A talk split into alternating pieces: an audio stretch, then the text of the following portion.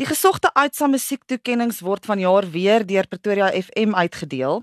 Rian Grobler, projekbestuurder van die Aitsas, gesels vandag in Marula Media se ateljee oor die Aitsas. Baie welkom by ons. Baie dankie, is lekker om hier te wees.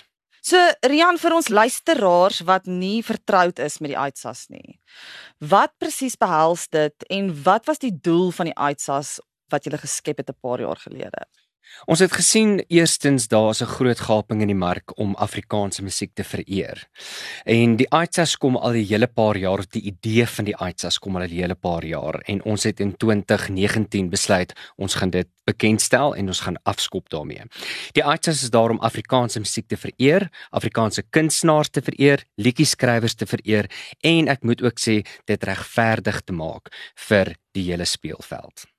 En hierdie jaar was daar 'n rekordgetal inskrywings. Miskien kan jy net so 'n bietjie meer vertel oor hierdie proses en op watter grond is mense dan nou benoem? Wel enige kunstenaar kon inskryf wat 'n liedjie vrygestel het van die 1ste April 2021 tot en met die 31ste Maart 2022. So en ons kyk spesifiek na snitte, na enkel snitte wat vrygestel is, nie na albums nie. Jy weet natuurlik albums se verkope is heeltemal daarmee heen.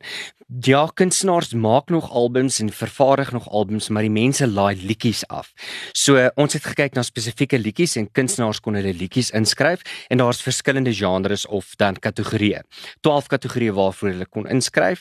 So elke kategorie het sy eie kriteria waarvolgens die liedjie moet kwalifiseer om ingeskryf te word.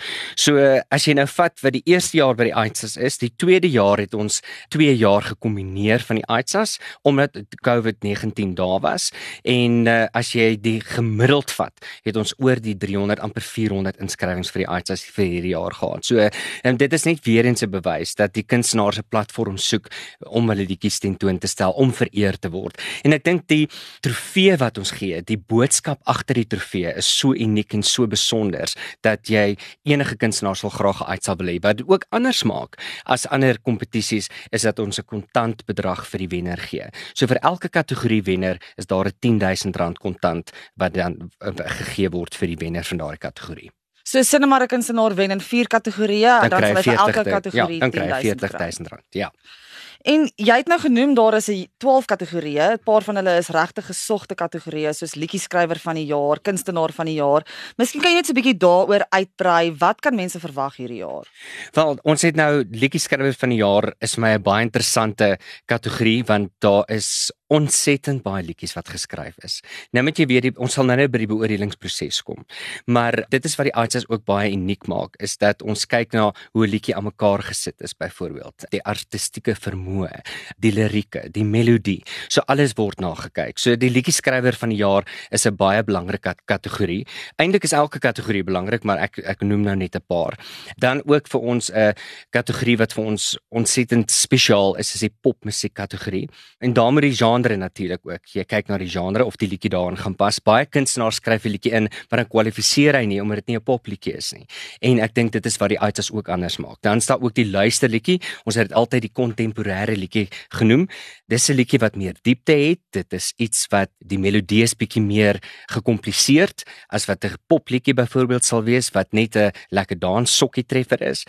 En dan is ook die langlewende kategorie wat ons vir 'n langlewende persoon gee wat baie spesiaal is. En ek kan nou nie noem wie die persoon is wat dit hierdie jaar gaan kry nie, maar ek dink die mense gaan baie verras wees en die persoon verdien dit deur en deur. Maar soos ek gesê 12 kategorieë waarvoor die publiek ook dan kan stem en dan is daar drie kategorieë wat spesiaal is vir liedjies wat populêr is of gewild is en dit kyk ons na stromingsgedeeltes. Ons kyk na hoeveel 'n liedjie afgelaai is, ons kyk na hoeveel keer hy geluister is en dit maak 'n liedjie die gunsteling Afrikaanse of 'n manlike en vroulike kunstenaar en dan die langslewende bydraende kunstenaar ook.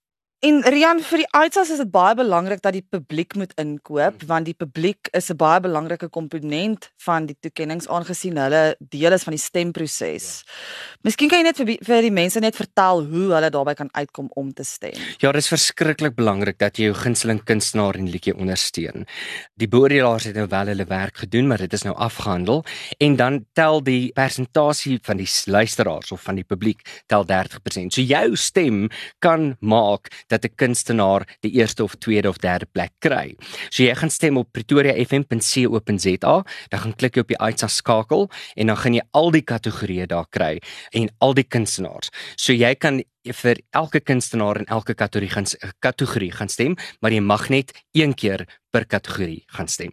En uh, jy gaan jouself diskwalifiseer as jy vir meer as een keer stem. So jou kunstenaar het dit nodig as jy ondersteun hom of haar, want daai stem kan daadwerklik 'n verskil maak van wie wen en wie nie. En Pretoria FM bied ook nou weekliks 'n program aan waar jy gaan raak aan die kategorieë en wie benoem is. Waar kan mense dit luister en wanneer kan hulle daarna luister? Dis elke woensdag aand van 09:30 tot 9uur regstreeks op Pretoria FM. Nou as jy na Pretoria FM wil luister, as jy buite ons opvangsgebied is, baie maklik.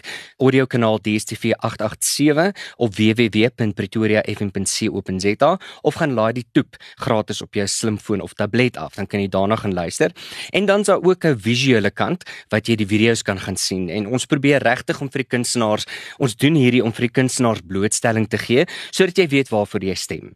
Jy kan gaan kyk op pretoriafm.co.za klokslag 09:30 op 'n woensdag aand word die kategorieë bekend gestel of gewys. Ek wil net sê bekend gestel nie wanneer is al lankal bekend gestel, maar jy kan daar gaan kyk presies hoekom 'n liedjie genomineer is. Jy kan gaan luister hoe 'n liedjie klink, hoe 'n kunstenaar klink en dan jou besluit maak vir wie jy wil stem.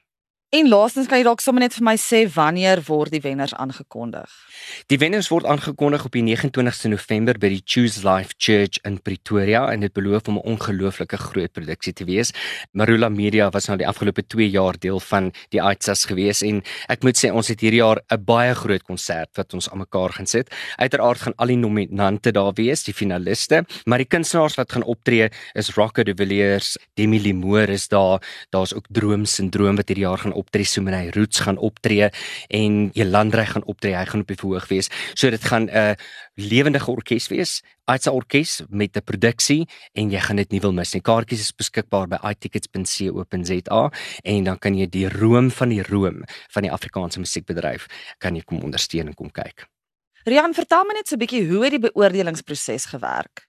Dis baie belangrik en baie interessant want dit is wat die ITAs anders maak as die ander uh, musiekkompetisies wat daar is. En dit was vir ons as ITA paneel baie belangrik om dit regverdig nommer 1 te doen. Nie dat ek sê die ander was nie regverdig nie, maar ons probeer dit regverdig konsekwent doen en ons hele beoordelingsproses werk so klein bietjie anders. So sodra kunstenaar ingeskryf het en die, die sluitingsdatum is nou daar gewees, het ons 5 onafhanklike beoordelaars gehad wat uh, letterlik na elke liewe snit in 'n sekere tydperk geluister het. So almal was bymekaar gewees via Zoom of via Skype of video call of dan in 'n raadsaal, maar almal moes op dieselfde tyd na die spesifieke inskrywing luister.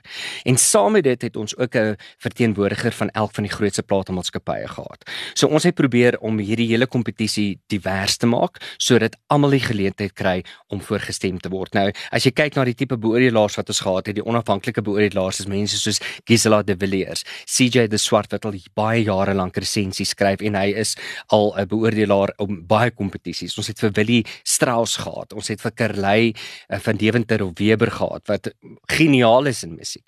En dan het ons natuurlik vir Tinus Esterhuizen ook gehad. So hierdie mense het 'n ongelooflike kennis van musiek, 'n verskillende kennis van musiek en hulle het saamgekom saam by die platenmaatskappye om hierdie te beoordeel. En dis hoe die 70% van die waarde of die toekenningspunte dan toegeken is en dan die 30% wat baie belangrik is van die publiek wat dan ook kan stem. Hoe het julle besluit wie die beoordelaars gaan wees? Hoe kies julle hulle? Ons het gaan kyk na wie regtig rolspelers is in die musiekbedryf wat musiek ken en wat 'n baie goeie musiek agtergrond het. Ons het natuurlik ook gaan kyk na of hulle al in die verlede beoordeel het. Gisela de Villiers byvoorbeeld is 'n fenomeen as dit by Afrikaanse musiek om sy het crescendo gewen, net so Carly Weber. Terug by Gisela de Villiers het al die groot ATKV crescendos en kore en dis meer het sy beoordeel. Sy is ook natuurlik 'n ongelooflike liedjie skrywer sy het vir Janie de Tooi geskryf onder andere. Tinus Esterhuizen net is alom bekend in die bedryf. Ons het letterlik gaan kyk na wat hulle profiel is en wat se waarde hulle kan bring om hierdie kompetisie regverdig en eerlik te maak. So julle maak regtig seker dat die beoordelaars mense is wat weet waarvan hulle praat en wat weet van die musiekbedryf en wat weet watter kunstenaars verdien om 'n prys te wen. En wat 'n oor het vir musiek, wat kan luister na artistieke waarde, wat kan luister na produksiewaarde, wat kan luister na liriek, wat kan luister na die komposisie en ook baie belangrik is saam met hierdie beoordelaars wat dan vir 'n hele week lank of 3 dae lank beoordeel het, het ons ouditeure gehad wat soos 'n valkoog dopgehou het. In die oomblik wanneer die beoordelaars klaar hulle punte ingelees het, word dit na die auditeurs toegestuur vir auditeurs proses of wat ook al jy dit kan noem sodat dit 'n regverdige uitkoms op die einde van die dag kan hê. So vir die uitsaas is dit baie belangrik dat die klem op kwaliteit gelê word ja, kwaliteit eerder as kwantiteit en maar alhoewel ons baie ongelooflike baie inskrywings gehad het. Ons kyk na die kwaliteit van die inskrywing en ook of die genre pas want baie keer ons het dit gesien nou hierdie keer kunstenaars skryf in vir 'n popliedjie byvoorbeeld in die popliedjie kategorie, maar dan is dit nie 'n popliedjie nie. En ek dink dit is waar die andersheid van die ITSAS baie belangrik is om daardie kwalifiserende komponent ook by te bring.